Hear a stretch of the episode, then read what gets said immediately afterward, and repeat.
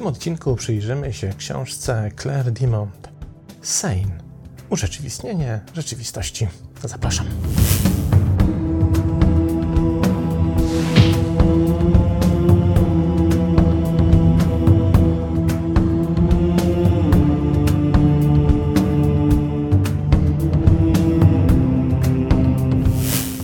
Ukazała się w marcu 2020 roku, a zatem jest już dostępna na rynku światowym od ponad roku.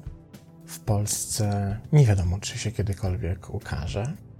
No zobaczymy, wszystko przed nami. Natomiast sama książka jest tak samo dziwna, jak dziwny jest jej tytuł. Właśnie sane. Cóż to słowo może oznaczać w języku angielskim? Znajdziemy jego wyjaśnienie, że jest to przymiotnik, który z jednej strony może oznaczać osobę rozsądną, ale z drugiej strony może również oznaczać kogoś po prostu zdrowego na umyśle, a jeszcze z trzeciej strony osobę po prostu świadomą, o przebudzonej świadomości. Zajrzyjmy do strony autorki, bo tam znajdziemy informacje, kim jest. Claire Dimon sama pisze o sobie w sposób następujący. Ma zyliony kwalifikacji w zakresie wydajności, komunikacji, od licencjata psychologii, dziennikarstwa podyplomowego, jogi, MBA, NLP, hipnozy i wiele, wiele, wiele innych i dziesięciolecia doświadczenia w globalnym doradztwie w zakresie marketingu i komunikacji. Ale nigdy nie czuła się naprawdę swobodnie, aż do dnia, w którym zrozumiała, jak naprawdę działają nasze umysły. Powiedziałem we wstępie, że to książka jest dziwna, bo gdybyśmy ją, gdybyśmy zrobili taki eksperyment, zaczęli czytać tę książkę, nie wiedząc, kto jest jej autorem, to myślę, że najszybciej skazalibyśmy takie nazwiska jak Sri Ramana Maharishi, jak Krishnamurti, jak może bardziej współcześnie Eckhart Tolle i wielu, wielu, wielu innych autorów, którzy tak naprawdę zajmują się mistyką, duchowością, inteligencją duchową, ale niekoniecznie w rozumieniu jakiejś konkretnej tradycji czy też religii, ale bardziej jako naszej drogi doświadczania świadomości własnej i odkrywania jej na planie naszego całego życia. Książka jest króciutka, nieco szalona, z bardzo prostego powodu. Otóż, e, żeby ją napisać, trzeba było bardzo wiele odwagi. I to jeszcze do tego musi być odwaga połączona chyba z takim totalnym nieprzejmowaniem się tym, w jaki sposób ta książka zostanie odebrana. I czytałem, do czego przyznaję tę książkę z wypiekami na twarzy, zastanawiając się, jak daleko zabrnie autorka w tym nieprzejmowaniu się czytelnikiem i tym, co czytelnik sobie pomyśli. A okazuje się, że jej brnięcie w to jest bez granic. Czego? Za chwilkę, mam nadzieję, również doświadczymy. Ale zacznijmy od pierwszego cytatu. W ciągu ostatnich 20 lat ludzkie możliwości, eksploracja i odkrycia zmieniły się nie do poznania. Znaleźliśmy wodę pod postacią lodu na Księżycu, jesteśmy coraz bliżej spełnienia obietnicy lekarstwa na HIV, AIDS. Potrafimy hodować ludzkie narządy z komórek macierzystych. Udowodniliśmy istnienie ciemnej materii i zakończyliśmy sekwencjonowanie ludzkiego genomu. Opuściliśmy układ słoneczny, ustaliliśmy wiek wszechświata i możemy przeprowadzić rozmowę wideo na żywo z każdym człowiekiem na naszej planecie. W tym samym 20-letnim okresie zażywanie leków przeciwdepresyjnych w Stanach Zjednoczonych wzrosło o 400%, przy czym 11% wszystkich osób w Stanach Zjednoczonych w wieku powyżej 12 lat obecnie je przyjmuje. W Wielkiej Brytanii liczba zgonów spowodowanych nadużywaniem alkoholu podwoiła się w tym czasie. 25% Europejczyków cierpi obecnie na depresję lub lęk. Samobójstwo zdarza się co 40 sekund i jest drugą najczęstszą przyczyną zgonów osób w wieku 15-29 lat na świecie. 300 milionów ludzi cierpi z powodu lęku. 8 miliardów dolarów rocznie jest wydawanych na leki psychiatryczne. Hmm, aż trudno podsumować to, co przed chwilą usłyszeliśmy, bo tak naprawdę ciśnie się na usta tylko jedno podsumowanie. Coś z nami do jasnej cholery jest nie tak. Z jednej strony przepotężny progres technologiczny, rozwój cywilizacyjny, naukowy, po prostu cuda na kiju i niewidy. Z drugiej strony, jeszcze nigdy jako społeczeństwo ogólnoświatowe nie doświadczaliśmy takiego natężenia problemów psychicznych. I to nie jest kwestia tylko pandemii, która to oczywiście w moim przekonaniu zwielokrotniła, ale to jest kwestia ostatnich 20 lat.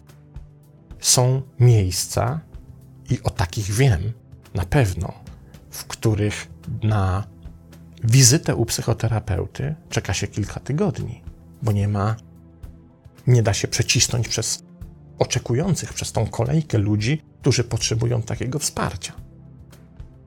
Więc jak to kurczę jest, z jednej strony tak szybko się rozwijamy jako społeczeństwo, a z drugiej strony tak naprawdę, co ewidentnie podaje autorka, popadamy w obłęd. Jest jakieś totalne szaleństwo, które nas wykańcza, które jest dla nas destrukcyjne. Jak zatem zestawić z sobą te dwa wydawałoby się totalnie rozbieżne światy? Te światy, które się kompletnie ze sobą nie wiążą, konkretnie wydają się niepowiązane, wydają się nie korelować w żaden sposób. Głupiejemy, jesteśmy coraz mniej odporni, Mamy coraz większe problemy psychiczne, coraz bardziej sobie nie radzimy z wyzwaniami codziennego życia. Jak to wytłumaczyć? Gdzie jest ten punkt zapalny? I tu się pojawia odwaga naszej Claire, którą od razu polubiłem. Posłuchajmy. Czy aby na pewno rozumiemy prawdziwą naturę siebie i innych? Czy raczej posługujemy się iluzjami naszych przekonań? wytworami wpływów rodzinnych, edukacyjnych, społecznych, historycznych, geograficznych, religijnych i kulturowych. Przekonania nie są prawdami obiektywnymi, a mimo to tworzą cały zestaw prawd, poprzez który oceniamy, kategoryzujemy i korygujemy całe doświadczenie siebie i innych.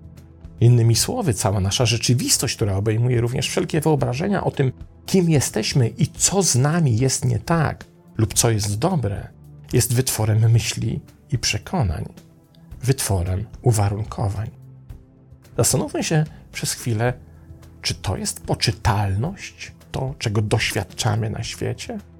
Nie, bo poczytalność tkwi w istocie, która objawia się, gdy osąd, wiara i myśl nie są już traktowane jako rzeczywistość. Wszystko ostatecznie jest jedynie naszą wiarą, Każda forma, w tym forma naszego pozornie własnego umysłu ciała, jest tymczasowym wytworem percepcji.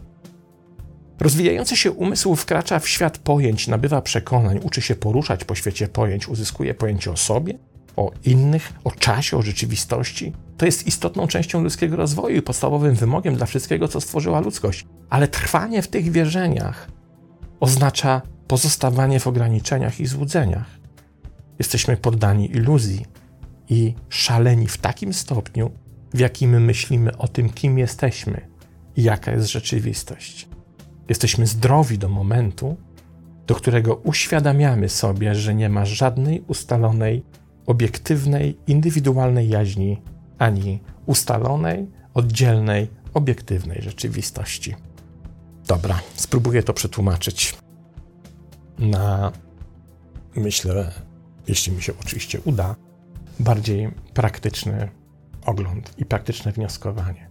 Zastanówmy się przez chwilę, co tak naprawdę, oczywiście mówimy o większości ludzi, definiuje współczesnego człowieka. W jaki sposób człowiek definiuje sam siebie. Jeśli spojrzymy na to z tej perspektywy, to nagle uświadomimy sobie, że bardzo wielu ludzi na świecie na przykład definiuje się przez akt posiadania. Czyli mówią: Jestem na tyle istotny, na tyle ważny, ile dóbr lub majątku udaje mi się zgromadzić, a to, czy zgromadziłem, to oczywiście w uczciwy czy też mniej uczciwy sposób, to już jest inna para kaloszy. Ale wielu ludzi definiuje się przez posiadanie.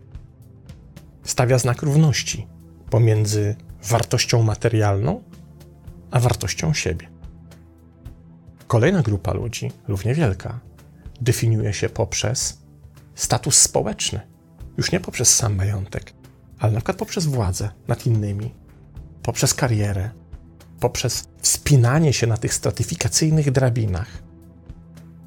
To, czego dowodzi, na co zwraca uwagę autorka, jest jednym z kluczowych problemów, ponieważ dopóty, dopóki definiujemy siebie poprzez iluzję wytworzoną przez jaźń, czyli to, co jaźń chciałaby zobaczyć jako, jako to self, jako to, czym tak naprawdę jesteśmy, tak naprawdę jest iluzją, która prowadzi do szaleństwa.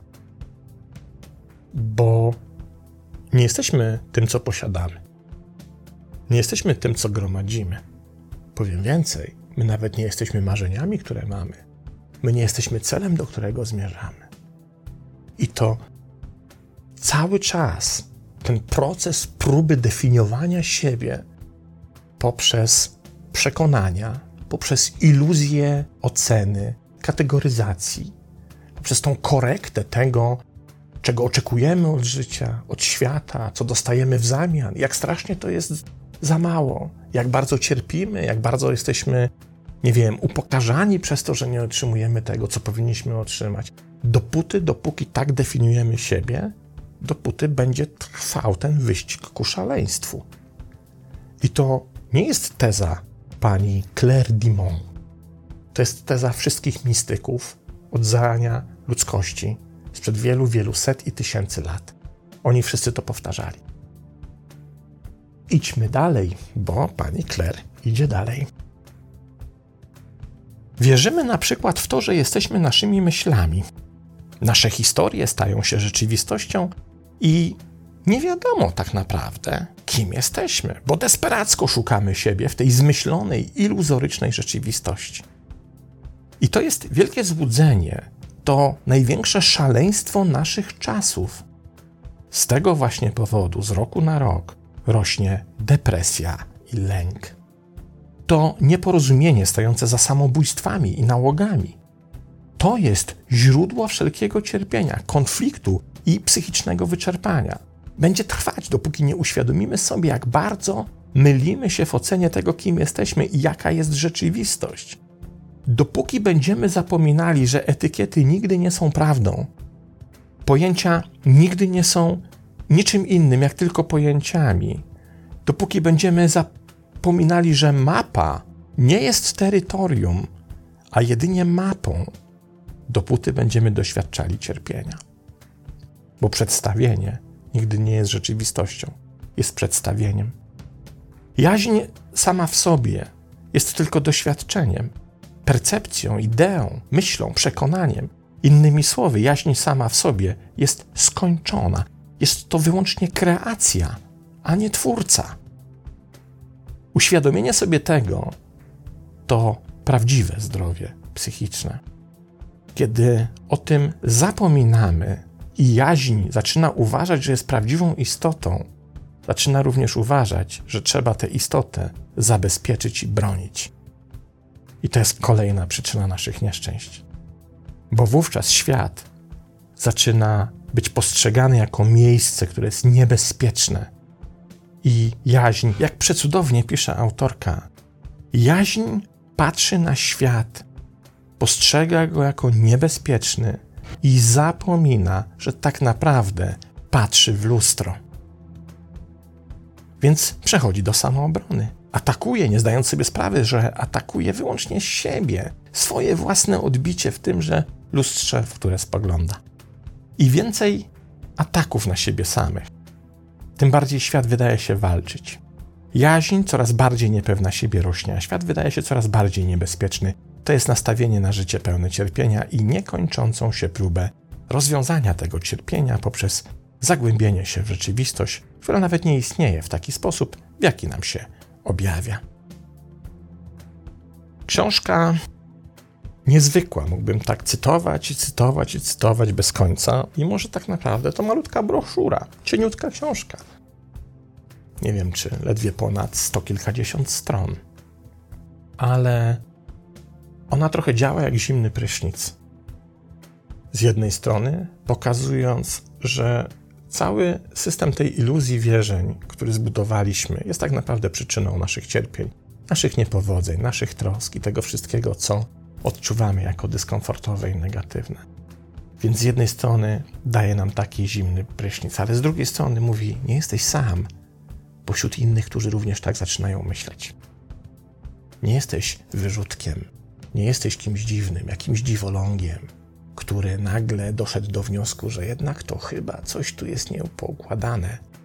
Tych ludzi jest coraz więcej, coraz więcej ich się objawia, aż w końcu, miejmy nadzieję, będzie ich na tyle dużo, że tego typu tezy przestaną być unikatowe, przestaną być zadziwiająco odważne, czy też przestaną wkurzać, tak jak pewnie wielu mogą w zetknięciu z sobą zirytować. Staną się oczywiste, tak jak oczywiste były właśnie dla Shiramana Maharishi, dla Krishnamurtiego, jak oczywiste są dla Eckhart Tolle i wielu, wielu, wielu innych. Na koniec optymistycznie kończy nasza odważna autorka. Tak naprawdę jesteśmy śmiechem, który nie potrzebuje zachęty. Jesteśmy spektaklem, który nie potrzebuje publiczności. Jesteśmy miłością, która nie potrzebuje odwzajemnienia, życiem, które nie potrzebuje innego celu niż samo życie. I są tak naprawdę w nim tylko trzy istotne rzeczy. Po pierwsze, nie jesteśmy tym, za kogo się uważamy. Po drugie, życie jest doskonałe teraz, dokładnie takie, jakie ono jest. Po trzecie, życie żyje się samo. To nie my je przeżywamy, to nie my przeżywamy życie, to życie żyje nas, to życie żyje nami. Nie jesteśmy jakimś strasznie ważnym elementem tego wszystkiego.